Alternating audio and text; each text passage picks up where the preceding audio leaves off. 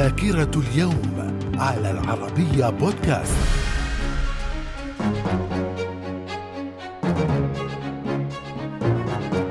أهلا بكم مستمعينا الكرام وفي مثل هذا اليوم من العام 711 وقعت معركة وادي لكة. التي مهدت الطريق للمسلمين أن يفتحوا أيبيريا. من الذاكرة. في العام 1799 اكتشف حجر رشيد من قبل ضابط فرنسي وذلك إبان الحملة الفرنسية على مصر. وفي العام 1943 وفي مثل هذا اليوم التاسع عشر من يوليو الطائرات الأمريكية قامت بضرب السكك الحديدية في إيطاليا أثناء الحرب العالمية الثانية.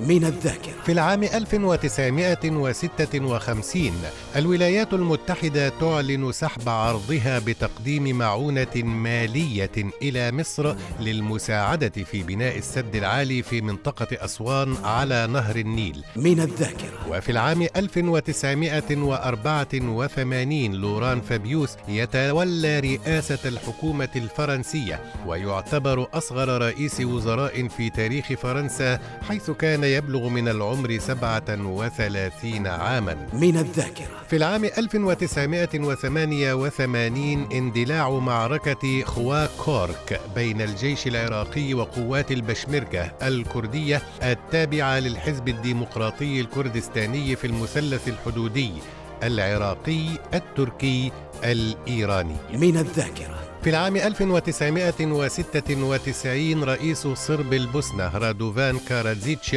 يوافق على الاستقالة والانسحاب من الحياة السياسية العامة وقد أصبح بعد ذلك على قائمة المطلوبين للمحاكمة بتهمة ارتكاب جرائم حرب أمام المحكمة الدولية لجرائم الحرب. من الذاكرة. في العام 2005 فؤاد السنيورة يتولى رئاسة الحكومة اللبنانية بتشكيله لأول حكومة بعد خروج الجيش السوري من لبنان. من الذاكرة. وفي العام 2009 في مثل هذا اليوم التاسع عشر من يوليو وزارة الداخلية الموريتانية تعلن فوز الجنرال محمد ولد عبد العزيز الذي قاد الانقلاب العسكري في السادس من أغسطس عام 2008 بانتخابات الرئاسة وذلك بعد حصوله على 52.5% من أصوات الناخبين والمعارضة تطعن بالنتيجة. من الذاكرة. في مثل هذا اليوم التاسع عشر من يوليو من عام 1814 ولد الأمريكي صامويل كولت